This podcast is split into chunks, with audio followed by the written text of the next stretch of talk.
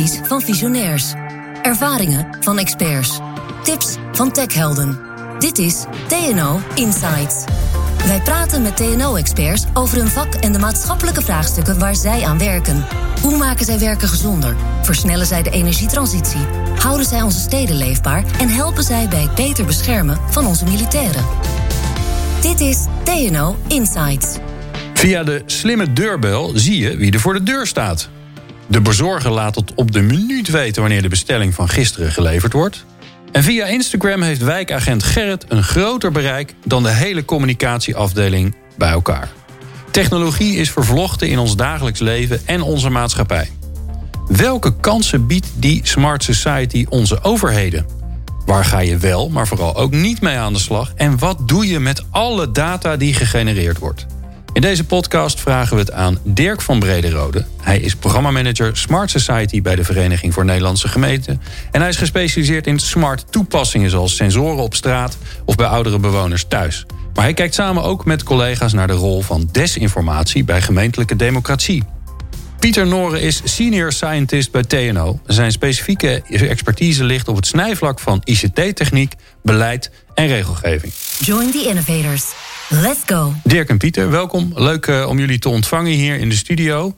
Ja, laten we eerst maar eens even zorgen dat we snappen allemaal waar we het over hebben. Uh, Dirk, Smart Society, dat noemen we maar even als term. Uh, we kunnen ons daar alles bij voorstellen. Wat is het precies? Ja, dankjewel voor de uitnodiging. Um, Smart Society, dat is dat je digitale toepassingen gaat inzetten om maatschappelijke uitdagingen op te pakken.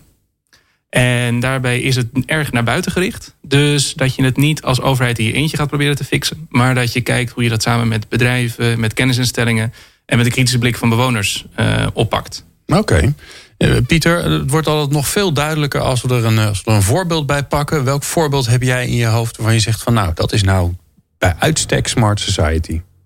Ja, er zijn superveel voorbeelden. Um, Eentje die mij meteen te binnen schiet is uh, het gebruik van uh, allerlei nieuwe communicatietechnieken om uh, de afstand tussen mensen te verkleinen. En heel concreet, ehm, nu bij corona heb je mensen in zorginstellingen. Die, ja, die, die, zijn al, die zijn op zoek naar bezoek. Ze, ze, ze vinden het fijn om in contact te staan met de mensen die ze goed kennen. Dat wordt steeds lastiger. En hoe kun je nou die afstand overbruggen? Nou, dat kan, vroeger zou je mensen gaan bellen, dat kan nog steeds. Microsoft Teams, dat, Iedereen kent dat, maar dat eh, is niet ideaal daar. Dus dan, dan ga je op zoek naar nieuwe, betere toepassingen om dat te doen.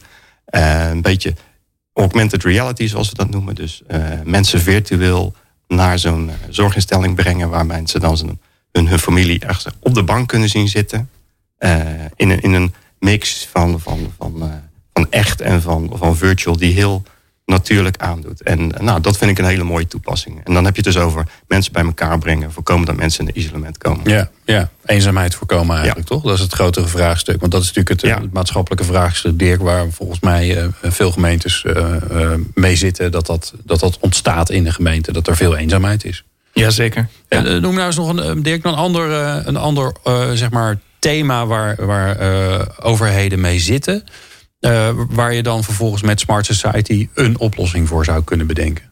Nou, ik denk om in de, in de hoek van de zorg te blijven, uh, naast eenzaamheid, waar virtual reality bij kan helpen, uh, is er ook een grote belofte dat sensoren kunnen helpen om mensen voor de preventie, voor de preventieve aanpak van zorg. Dat als je een sensor in je bed hebt, of in je wc of in je woonkamer, dat je dan ja, eerder kan aantonen, eerder kan voorspellen dat er, dat er misschien iets niet lekker gaat en dat je naar de dokter gaat. En uh, wat daar wel leuk bij is, dat is nadrukkelijk iets waar je heel nauw de burger bij moet betrekken. Om te achterhalen uh, op wat voor manier dat in hun leven past. En ook of het dus daadwerkelijk iets toevoegt. Uh, want het is heel makkelijk gezegd dat een sensor in je bed, mijn bed, jouw bed, ons gaat verder gaat helpen. Maar dat moet je wel even onderzoeken. Klinkt gelijk raar. Een sensor in je bed. Dat, dat is het ook. Dat ja. is het ook. Die houdt ook bij hoe je draait, hoe je beweegt, hoe vaak ja. je naar de wc gaat. Ik kan best wel veel afleiden uit dat patroon. Uit, uit, het sensor in mijn bed. Zeker weten. Ja, ja oké. Nee, we gaan er niet verder op in. Um, um, uh, het grappige is wel hè, dat ik, uh, ik ben zelf ook wel een fan van uh, allerlei technologische dingetjes. Dus ik, ben, ik heb mijn smartlampen en ik heb van die, van die koolmonoxide monoxide dingen die, die met elkaar in verbinding staan. Die als het goed is nooit wat doen. Laat je, laten we dat hopen. de, mijn thermostaat die is slim. Hè, dus het zijn allemaal hele slimme dingen. Um, die kan ik me allemaal voorstellen in, het, in huis. Maar de overheid gaat natuurlijk voor een groot gedeelte ook voor de, over de openbare ruimte. Um, wat voor ideeën uh, ontstaan er daar? Of laten we misschien een hele concrete pakken. Welk, welk voorbeeld heb je daarvoor in je hoofd? Van nou, je loopt buiten en daar kun je het eigenlijk al merken dat daar iets gebeurt. Ik denk dat uh, heel veel aandacht de laatste tijd gaat naar over wat we de digitalisering van de buitenruimte noemen. Dus dat je lichtmasten hebt waar je sensoren aan hangt. En die kunnen, dat kunnen camera's zijn die de veiligheid in het oog houden. Dat kan uh, geluidhinder uh, checken. Maar dat kan ook bijvoorbeeld kijken of mensen anderhalve meter afstand houden. Nu in deze tijd. Um, dat, is een, dat is een groot en belangrijk onderwerp. Um, waar allerlei soorten toepassingen op zijn, die ik nu al noem. Um, en de grote uitdaging vervolgens is wat je daar als maatschappij van moet vinden. Want het is heel makkelijk gezegd om een soort van Facebook-paal neer te zetten... die gewoon data gaat slurpen en aan allerlei uh, partijen verkoopt... om voor marketingdoeleinden. Maar als maatschappij moet je dat niet zomaar willen. Ja. Tegelijkertijd, om dan maar helemaal geen technologie in te zetten... ja, dat is ook wat gortig, want uh, we zien dat het kan bijdragen. We zien dat het kan helpen uh, in het, in, voor veiligheid van anderhalve meter... wat ik net al noemde. Maar waar leg je dan precies die grens? Ja, dat zijn het soort uitdagingen waar Smart Society nu ook vooral over gaat. Hoe borg je dat we, wat dan de publieke waarden heten... Uh, goed beschermd blijven als je dit soort technologie inzet. En ja. dat het niet uit de, uit, de, uit de hand vliegt. Ja. ja. privacy is natuurlijk één van de. En de, de hele dataopslag, daar gaan we het zo nog uitgebreid over hebben. Wat zijn andere uitdagingen, Pieter, waar je tegenaan loopt? Um, ja, je, zit, je, je kunt als gemeente of als overheid moet je denken van op welk pad begeef ik me nou? Hè? Dus uh, het ligt voor de hand om bijvoorbeeld de apparaten of de devices te gebruiken die mensen al hebben. Dus uh, tablets. Uh, je hebt natuurlijk zelfrijdende auto's of auto's met, met connected cars die ook al allerlei informatie aanleveren. Die zitten al in een bepaald systeem waarin data loopt. En je moet je goed realiseren, als ik zoiets ga inzetten, waar begin ik dan aan? En kan ik ook nog die data controleren? En, want die, want die laat maar een voorbeeld noemen. Ik heb een iPhone, dat ding is van Apple. De software die erop draait, het operating systeem, is van Apple. Ik druk altijd heel blij op akkoord als er weer hele lange lijsten langskomen. Volgens mij leest bijna niemand die dingen. Maar door als gemeente te zeggen: uh, wij maken gebruik van het iOS-platform van Apple maak je eigenlijk al een keuze. Ja, je maakt eigenlijk al een keuze. En de vraag is dan, kan een burger zich daar nog aan onttrekken? Want als het natuurlijk zo is dat je voor allerlei gemeentelijke diensten eigenlijk die keuzes wel op een bepaalde manier moet maken, dan dwing je die burger in een bepaalde hoek. En, en dat, dat speelt bij de iPhone, die kent iedereen, maar ook bij allerlei nieuwere devices. Bijvoorbeeld uh, de nieuwste Facebook uh, VR-brillen. Dat werkt alleen met een Facebook-account. Dus je, als je zegt, we zetten VR in voor een mooie maatschappelijke toepassing, Plus de combinatie. We willen graag dingen gebruiken die consumentenelektronica zijn, die mensen gewoon al hebben of die ze redelijkerwijs kunnen kopen. Dan zit je in een bepaalde hoek. En niet dat dat per se verkeerd is, maar ben je, je moet je wel heel goed van bewust zijn wat er op de achtergrond speelt. Ja, ja. En, en loop je dan ook tegen inderdaad die juridische kant aan van eh, wat gebeurt er op die telefoon, van wie is dat eigenlijk? Uh, wat, welke rol spelen nou, Apple's, Facebook en Google's en zo daar, dan in? ja, je zit, je zit dan heel duidelijk aan de privacy kant. Je zit ook aan het, hele economische model dat daarachter zit. En je hebt de, de grote Amerikaanse techbedrijven, dus Facebook, Google. Nou, die kent iedereen, die zijn heel groot. Die, zijn, die worden groot omdat ze groot zijn. Dus ze hebben enorme netwerkeffecten, zoals dat heet. Um, het is moeilijk om je daaraan te onttrekken. Omdat ze zich dus uitstrekken tot apparatuur. Uh, data gebruiken ze voor meerdere doelen. Um, je ziet daar ook nog een in China zie je ook heel veel digitalisering in de buitenruimte. Dat is eigenlijk het techmodel. Maar dan nog een, een, flinke overheidsinvloed daarbovenop. Nou, dat is ook een manier. Wat je eigenlijk graag zou willen is een meer een Europees model... waar je dus wel de technologie gebruikt. Ook, ook schaalgroottes haalt, maar dan wel meer via de, de Europese aanpak... met aandacht voor privacy. Uh, ook niet alleen economische sturing... maar ook een, meer op pluriformiteit of transparantie... dat mensen gewoon zien wat er gebeurt. En uh, nou, de laatste tijd gebeurt daar gelukkig... Uh, meer op. Ja. Nou, daar komen we straks eh, vast nog op als we, de, als we de data onder de loep gaan nemen. Laten we even naar die lokale overheden kijken. Welke rol spelen die lokale overheden bij die smart society? Want uh, de ontwikkelingen zijn enorm. Het gaat heel erg hard. Hè. Al die grote partijen die erachter zitten, die zijn maar aan het ontwikkelen. En die zorgen ervoor dat consumenten uh, het al in hun huis hebben, al heel veel gemak gewend zijn. Hè. We zijn allemaal gewend dat ik bestel vandaag wat en morgen is het er. Dat vinden we doodnormaal. Dezelfde avond begint ook al te komen. Ja, dat vraagt natuurlijk ook iets van, van ja, de ervaring die we dan met die lokale overheden hebben. Dus uh, Dirk, welke rol spelen ze daarin? De, je kan zeggen dat in, bij de gemeente, bij de lokale overheden, daar, dat is een soort van ontwikkelomgeving. Aan de ene kant om te kijken wat voor technologie daadwerkelijk helpt bij maatschappelijke opgaven. Dus dat je, ja, ik zou zeggen, de marketingpraatjes gaat toetsen. Gaat een sensor daadwerkelijk mijn gezondheid helpen? En daarmee experimenteer je. Dat weet je niet van tevoren. Daar richt je Living Labs voor in. En dan, dan, dan hoop je aldoende te achterhalen of het werkt. Uh, het zorgvoorbeeld dat ik net noemde bijvoorbeeld... dat hebben ze in Den Haag uitgebreid effectonderzoek gedaan. De LUMC was erbij betrokken. Om te achterhalen of sensoren daadwerkelijk tot een ervaren veiligheidsgevoel of gezondheidsgevoel. Dat het verbetert, ja of nee. Ja. En gelukkig bij een deel van de technologieën wel. Maar ook bij een deel van de technologieën niet. Nou ja, dan weet je vanaf dat moment hoeven we ze op zich voor die rol niet meer in te zetten. En het tweede deel waar gemeenten heel nadrukkelijk een rol spelen, is het ontwikkelen van, ja, we noemen het net al eventjes, de regulering, de kaders, de vangrails. Want als je die technologie gaat inzetten, dan wil je niet alleen maar dat het werkt, maar dan wil je ook dat het een beetje netjes gebeurt en dat bewoners het accepteren. Kan je ook niet van tevoren bedenken. Je kan niet de regels, de wetten, de kaders van tevoren bedenken hoe je een applicatie als Facebook bijvoorbeeld ooit had willen reguleren. Dat moet je aldoende doen. Dus gemeenten zijn ook nadrukkelijk de plek waar daarmee geëxperimenteerd wordt. En dan niet met het doel om zelf zoveel mogelijk data te verzamelen, maar juist als kritische bewoners, als kritische blik, om te kijken van hoe moeten we dit reguleren? Wat zijn de grenzen? Wat zijn de kaders? Hoe houden we dit netjes? En hoe zorgen we ervoor dat uiteindelijk de, bewoners ons betrouwbaar achten en op een betrouwbare manier technologie inzetten? Ja, uh, Pieter, hoe maak je daar nou slim keuzes in? Want ja, nogmaals, die ontwikkelingen zijn ongelooflijk. Het gaat heel erg hard. Degene die ik zelf nu in ieder geval voor thuis heel interessant vind, is uh, dat je de deur uh, ook kan bedienen met je smartphone. Dus dat je er niet meer gewoon een sleutel in stopt, maar dat het een digitaal ding is geworden. Vind ik zelf ook nog wel een beetje spannend. Dus ik ga het nog niet doen. Maar uh, dat is dan weer een nieuwe ontwikkeling die ik in ieder geval zie, die al voor de consumentenmarkt beschikbaar is. Ehm, ik kan me ook voorstellen dat, dat het voor gemeenten, dat die naar dat veld kijken en die denken, ja, hallo zeg, wat wel, wat niet gaan we maar een beetje uitproberen? Of maken we daar bewuste keuzes in? Dus hoe doe je dat? Ja, je kijkt. Uh, de kunst is om wel de dingen te gebruiken die vernieuwend zijn en, en wat beloven. En, maar daar niet in door te schieten. Want als je helemaal in de experimentele spullen terechtkomt, dan, dan kun je eigenlijk geen oordeel vormen. Want bewoners zien niet wat het gaat betekenen.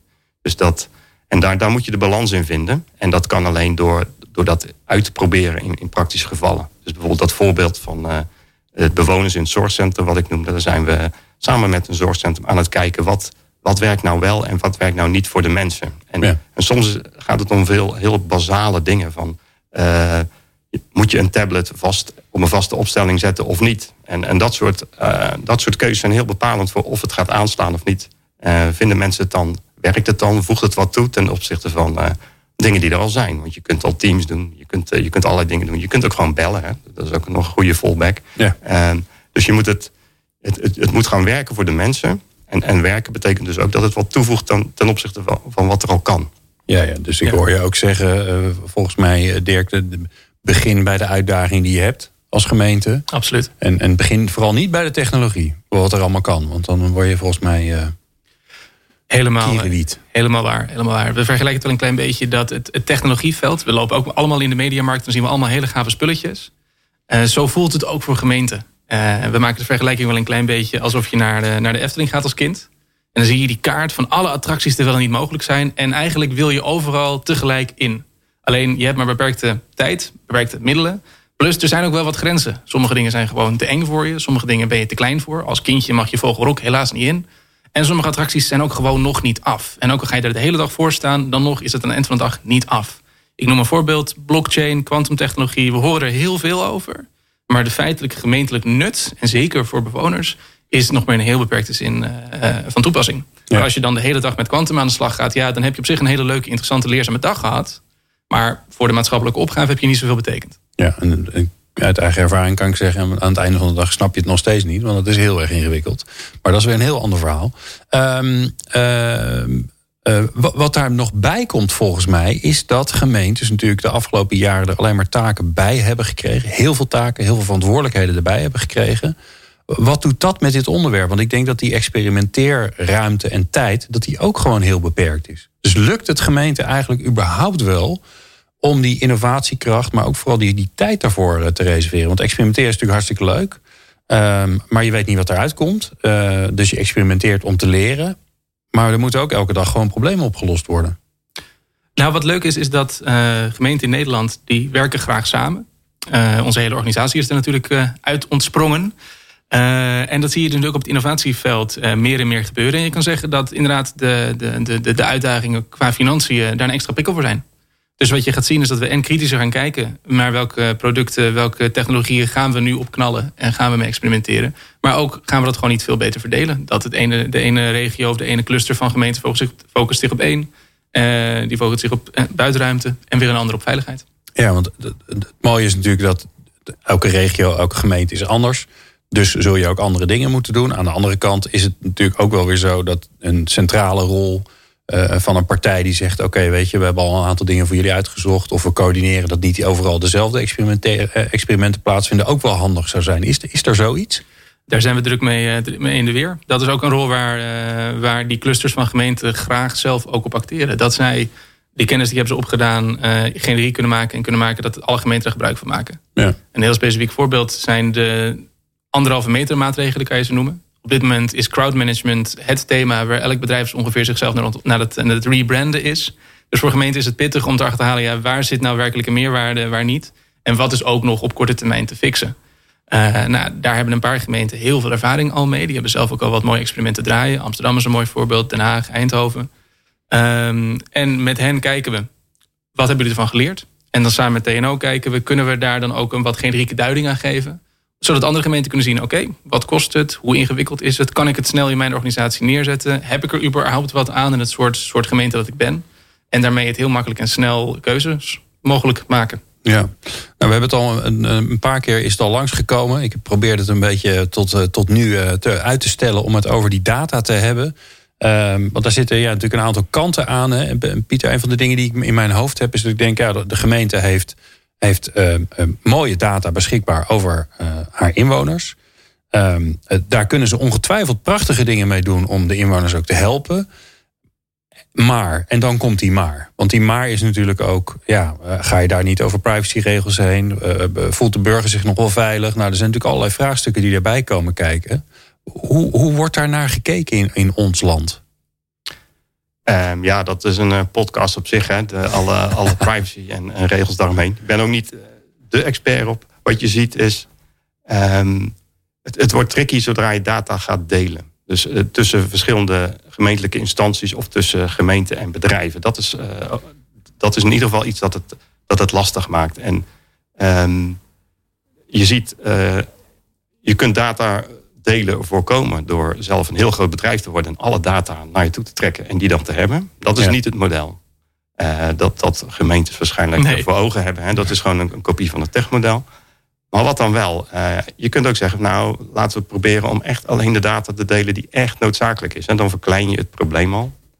En, dat, en daar kun je dan afspraken over maken. Het valt of staat natuurlijk met afspraken en, en mensen die daar vertrouwen in kunnen hebben. Hè. Dat, ja. dat, is echt een ding. Dat zag je bij de, bij de corona. Ja, daar zat ik net aan te denken. De coronamelder was natuurlijk in, in het begin heel veel kritiek op. En nu eigenlijk is dat best wel verstomd. Ja. En dat komt omdat er nauwelijks data wordt gedeeld. Nou, dat is absoluut geminimaliseerd. Ja. En, en wat er gebeurt, daar is natuurlijk heel uitgebreid discussie over geweest. Dat heeft wat, wat pieken en dalen gehad. Maar uiteindelijk is het een app waar je, die gewoon gebruikt wordt en waar je verder geen gemopper meer over hoort. Zelfs nee. uh, een aantal bekende critici zeggen van nou, dit is gewoon uh, netjes gemaakt. Dat is wel knap gedaan. Ja, dat is zeker knap gedaan. Ja. Ja. ja. En uh, dus, dus, dat is een voorbeeld van hoe dat kan. Ja, dus, dus, als je data overdraagt naar partijen zo min mogelijk. Uh, uh, opslaan, dus niet alles op één plek en een soort grote tweede Facebook gaan worden, die data gaat verkopen. Niet doen. Nee. Nog meer haken en ogen? Um, ja, je, je, hebt natuurlijk wel data te delen. Hè? Dus dat, dat, dat kun je niet ontwijken. Uh, je kunt, je, er zijn op zich technieken voorhanden om dat op een manier te doen waarbij je dus zeg maar wel inzicht krijgt over het geheel van de data. Dus net als ware je een groot bedrijf met alle data, maar dat je de data toch bij alle losse bedrijven laat. Dus dat je ze oh. niet, de onderliggende data niet deelt, maar wel gedeelde conclusies kunt trekken. En dan, nou, dat is iets waar we als TNO naar kijken, omdat we zien dat daar een grote behoefte aan is. Iedere keer als er data gedeeld moet worden. Bijvoorbeeld, waar, waar zou dat goed kunnen werken? Nou, we hebben voorbeelden uit de, uit de zorg. Uh, nou ja, dus gegevens van patiënten, ja, dat, dat hoort bij de, de, de, categorieën data waar je het voorzichtig mee moet zijn. Maar je wil wel graag conclusies trekken over het geheel van de data. Om bijvoorbeeld te kijken of een bepaalde behandelingsmethode beter is dan een ander. Ja, wil je graag veel data over hebben, want dat is het punt met data. Het, kan beter worden als je meer data hebt. En dus een grotere dataset heeft zijn attractie, dat is duidelijk. En zo kun je toch aan die grotere dataset komen zonder de onderliggende data te delen. Ja, want ik zou zeggen, als, ik, als er geen regels waren, zou ik zeggen, nou dat betekent dus dat alle huisartsen, alle ziekenhuizen, alle, nou, iedereen die maar data opstaat, alles in één grote bak. En daar, daar gooien we dan een hele slimme artificial intelligence overheen. En die komt dan tot conclusies die we zelf niet hadden bedacht. Hè? Dat er ineens een, een verband wordt gevonden in die data die je menselijkerwijs nooit had kunnen bedenken. Maar dat is natuurlijk levensgevaarlijk. Dat wil niemand.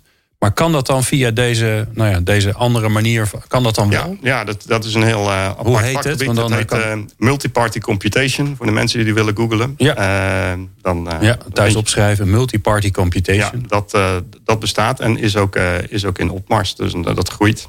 En, en daarmee heb je dus de voordelen van een grote dataset en niet de nadelen van het feit dat dat allemaal ergens staat. Ja, en je moet wel de, de multiparty computation invoeren en doen. Hè. Het is dus ook weer wat werk. Hè. Niks komt helemaal gratis. Maar inderdaad, zo kun je dus de voordelen van de grote dataset combineren met het, het, de eis vaak om data gescheiden te houden. En daar hebben jullie ook verstand van, ja. toch, bij TNO? Ja. Dus wil je daar meer over weten, ga dan vooral naar eh, tno.nl en zoek dan even op multi-party computation, als ik het goed zeg.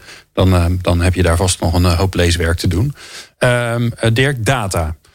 Um, die gemeenten die staan voor, of laat ik het anders zeggen, dat is een soort, ook een soort snoepwinkel. Die gemeenten hebben heel veel data. Die kunnen nog veel meer data verzamelen. Hè. Nou, ik neem maar jouw voorbeeld van al die, uh, al die lichtmasten met de leuke camera's, sensoren en weet ik wat aan elkaar.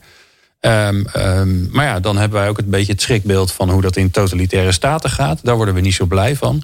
Hoe kijken gemeenten hier naar? Dus wat is, wat is hun positie daarin? In die struggle tussen data gebruiken voor, het, voor hun burgers om goede dingen te doen. En die andere kant dat je daar toch wel heel voorzichtig mee moet zijn. Ja, je noemt het al. En uh, het verschil met totalitaire staten. Uh, Pieter begon met uh, de schets van je hebt het Amerikaanse model, het Chinese model en het Europese model. Het Amerikaanse model zegt, nou, alle data verzamelen aan private partijen, die verdienen geld mee, de economie floreert. Even heel kort door de bocht. Het Chinese model, die zegt, nou, we kunnen deze technologie heel goed inzetten om onze maatschappij te controleren. Als ik het even eufemistisch zeg.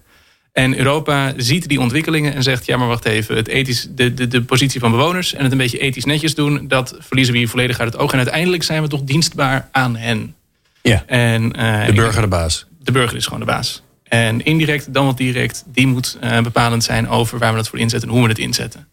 Dus uh, wat ik daarvan als toen ik, toen ik rechten studeerde over geleerd heb, is dat je als overheid dus eigenlijk ook altijd één arm probeert op de rug te binden zodat je jezelf ook al meteen inperkt en puur en alleen doet wat je nodig hebt. Uh, en puur en alleen richt op die maatschappelijke opgave en ook niet meer. En de coronamelder is een prachtig voorbeeld. Daarvan is gezegd, we gaan echt alleen maar voor die opgave van dat uh, kunnen melden. Gaan we, het, gaan, we het, uh, gaan we het inrichten. En al die data die er dus ook heen en weer stroomt, kunnen we dus ook gewoon niet bij. We weten dat het gebeurt, maar we kunnen er verder helemaal niks mee. En die aanpak zie je meer en meer bij, bij gemeenten, nu we ook privacy by design technieken en zo hebben, doorklinken. Een leuk voorbeeld ervan. Maar het beperkt ons ook. He, neem, neem jij een voorbeeld van die, die masten met die anderhalve meter afstand houden. En dan vervolgens signaaltjes geven of belletjes af laten gaan. Of op deze plek gebeurt het heel veel. Dan moeten we de BOA's naartoe sturen. Weet je, als je een beetje snapt hoe dat in elkaar zit, kun je allemaal. Kun je zo tien oplossingen of tien, tien uh, manieren verzinnen wat je ermee zou kunnen. Ze zijn heel belangrijk. En toch geldt voor die tien waarschijnlijk dat je de 9,5 niet moet doen. Dus, maar wat kan je dan wel doen? Dirk? Uh, wat kan je nou wel doen? Um, ik wil dat die mensen anderhalve meter afstand van elkaar houden. Dat is hartstikke lastig als je vrienden tegenkomt op straat. Klopt. En je zal ook altijd hebben dat je niet alleen kan zeggen... we willen dat iedereen anderhalve meter afstand houdt. Je zal ook hebben dat je daar in de privacy van hem wil borgen. Je wil hun autonomie erin bewaken. Je wil zorgen dat je de democratie niet ondermijnt door iedereen in een hokje te zetten en, uh, en een bepaalde kant op te sturen. Ja. Kijk, een voorbeeld. Uh, in mijn geboortedorp, uh, daar is geëxperimenteerd met een drone. Die in de gaten hield of mensen op het strand anderhalf meter afstand hielden. Oh, en in theorie kan je dan, dan daarmee ook met een stem vertellen dat mensen als een soort stem van God afstand moeten houden. Dat is een experiment, maar als je dat doortrekt, kan je inderdaad voorstellen dat je met camera's in de buitenruimte en drones vliegend ja, redelijk goed iedereen binnen anderhalf of buiten anderhalf meter van elkaar kan houden. Want hoe leuk je het ook vindt om met z'n tweeën te lopen, als er continu een drone boven je hoofd vliegt die roept: hou afstand, hou afstand, hou afstand. Uiteindelijk ga je dat dan wel doen. Ja. Alleen denk ik dat we dat als maatschappij, als bewoner van zullen zeggen: nee, het gaat toch te ver. En dat is de leuke uitdaging ook, dat je dus altijd de afweging gaat hebben tussen we hebben aan de ene kant die veiligheid of uh, anderhalve meter maatregelen of zorg. Maar dat is niet het enige. Er komt er een heleboel meer bij kijken. Van privacy tot autonomie, tot, uh, tot, tot, tot, effectiviteit, tot of het een beetje betaalbaar is. Want van dat geld kan je ook theaters openhouden. Allemaal van dat soort factoren die maken dat het ingewikkelder wordt. Maar ik denk dat we ook wel zullen constateren voor de mensen die bij de overheden werken, dat is ook uiteindelijk echt de lol ervan. Ja. Het is nooit simpel één hamer, één spijker en we gaan los. En we hebben het nu over data alsof dat ook een soort van de oplossing voor alles is. Hè? Kun je nou, zijn er nou ook smart eh, society-achtige oplossingen te bedenken waarbij je zegt, ja, maar die data die hebben we helemaal niet. Bedoel, de, de, de coronamelden hebben we al gehad, maar die, die verzamelt data, die wisselt ook data uit. Dat is allemaal goed geregeld, maar dat moet je dan ook weer allemaal checken en waarborgen. Dat is ook wel weer ingewikkeld. Ja, de beste manier om, uh, om met data om te gaan is om gewoon niks op te slaan. Zijn daar nou slimme oplossingen van bedacht? Dat je niks opslaat en toch heb je een smart society oplossing.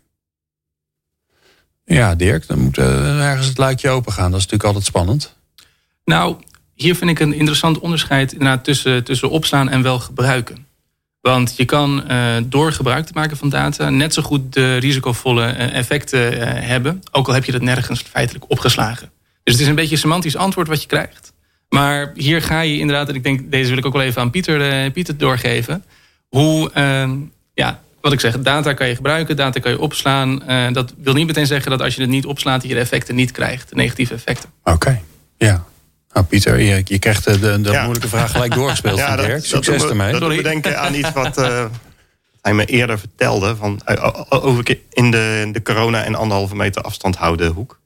Um, je kunt je voorstellen, overal camera's. Uh, dat wordt naar een centrale plek uh, gestuurd, daar naar een cloud. Er zit allemaal processing. Uh, er worden mensen geïdentificeerd. Ze krijgen seintjes op een telefoon als ze geen afstand houden. Nou, dat is allemaal ongewenst, zou ik zeggen. Ja, klinkt echt. Um, je, je kunt het ook lokaal en simpel proberen te houden. Door, je hebt een camera, die is verder nergens aan gekoppeld. Die, die, maakt wel opnames, die kijkt of er mensen of wat ze denken dat mensen zijn. Dus misschien pakt hij ze nu dan een hond mee.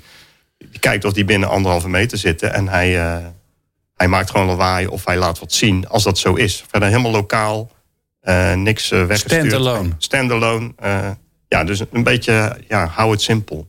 Ja, en de data wordt niet opgeslagen, nee, die verdwijnt gewoon. Hoeft niet. Nee. Die, die, alleen, die wordt alleen van, van de camera naar het belletje of de scherm of de ja. wat gestuurd. Oké, okay. ja. Slim.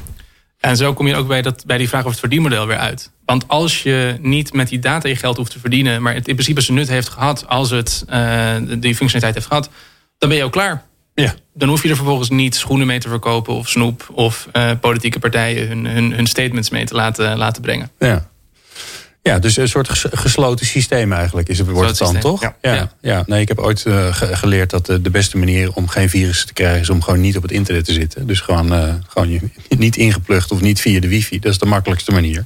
Maar dat geldt hier dus eigenlijk ook voor. Geldt hier ook. Ja. Um, ik wil eigenlijk even naar de, naar de actie toe. Um, mensen uit, uit het openbaar domein die, die luisteren naar deze podcast... En die horen dit allemaal aan en die denken, ja, biedt inderdaad heel veel mogelijkheden, maar het werpt ook weer een hoop dilemma's op. Ingewikkeld, ingewikkeld. Um, morgenochtend worden ze weer wakker. Dus ze zijn toch super enthousiast geworden. Want dat gebeurt natuurlijk ook door deze podcast. Wat kunnen ze morgen doen, Pieter? Waar begin je bij zo'n groot vraag, grote, ja. grote uitdaging? Um, ja, ik zou zeggen klein. Dus begin bij, uh, nou, die, die corona melden op anderhalve meter afstand heel lokaal. Dat is dat is natuurlijk een heel goed begin en ook niet, niet erg ingewikkeld. Als je, stel voor je bent een paar auto's verder en, de, de burgemeester wil toch beter snappen wat er gebeurt, dan kun je denken van nou ja, um, misschien moeten we toch een beperkte hoeveelheid data dan toch verzamelen. Hè? Dus je, je gaat dan kleine stapjes maken en dan met al die wel die achtergrond in gedachten. Van uh, inderdaad, wat, wat Dirk zegt, heel sterk. Als data niet het verdienmodel is, dan hoef je er dus ook niet al die regeltjes van het verdienmodel mee te volgen. Dan kun je daar ook veel flexibeler mee omgaan. Dat lijkt me voor een gemeente eerlijk gezegd een, een hele goede. Ja, dus kleine dingen uitproberen. Dat is wat je zegt. Dirk. Ze moeten jou natuurlijk bellen als ze meer en meer eh, willen weten. En, uh, en, en uh, gekoppeld willen worden naar collega's die er ook mee zitten. Dat snap ik. Wat kunnen ze nog meer doen? Ja, ik denk dat de eerste stap die je zet is beseffen dat je niet de enige bent die met het probleem zit. Die de uitdaging kent. En ook niet de enige en de eerste bent die van zo'n technologie bedenkt dat je hem kan inzetten. En dat betekent, ga op zoek naar collega-gemeenten. Ga op zoek naar netwerken die hierop actief zijn. De G5, de P10, dat zijn gemeentelijke netwerken, zijn ook op actief. En de G40 bijvoorbeeld, dat, gaat, dat zijn de 40 uh, uh, middelgrote gemeenten. Die hebben net een prachtig overzicht gemaakt van alle activiteiten die door hun gemeente op smart worden uitgevoerd. Plus ook een lijst met hoe pak je het aan en wat zijn de uitdagingen en hoe gaan we hier verder op samenwerken. Dat is in ieder geval een hele belangrijke. Zoek elkaar op, wissel kennis uit. En als je dat niet meteen het haakje hebt, klop dan bij de VNG aan. Um, en tweede is, um, ga kritisch bij jezelf te raden um, waar precies je, je, je, je uh, uitdaging zit. Heb je daar bestuurlijke steun voor? Heb je daar daadwerkelijk de, de, de, de middelen misschien ook in de toekomst voor beschikbaar? Uh, want als je al vrij snel door hebt van dat gaat er niet in zitten, krap dan weer even achter je oren of je het daadwerkelijk wil oppakken. Want mijn eigen ervaring, ik loop nu zo'n vijf jaar in dit veld rond, is dat het is altijd ingewikkelder dan je denkt. Het is altijd langer dan je denkt, altijd duurder dan je denkt. Dus ook al heb je het gevoel van ik kan over een half jaartje mijn hele stad met 5G-masten klaar bestaan. En ook al heb je een leverancier die tegen je zegt ja dat fix wel eventjes voor je. Hou er rekening mee. Waarschijnlijk is het net als elk ander project. Het duurt even ietsje langer. Ja, het duurt wat langer. En zorg in ieder geval voor dat je, dat je steun hebt. Hè? Dat je niet in je eentje zoals een Don Quixote aan het rennen bent. En zoek ons op. Ja, ja, tuurlijk. De VNG en TNO natuurlijk, want die kunnen je helpen.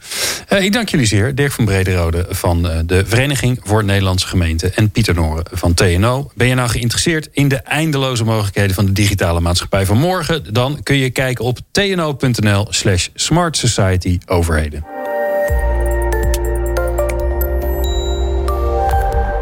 Bedankt dat je hebt geluisterd naar TNO Insights. Meer afleveringen vind je via jouw favoriete podcast-app. Zoek op TNO Insights.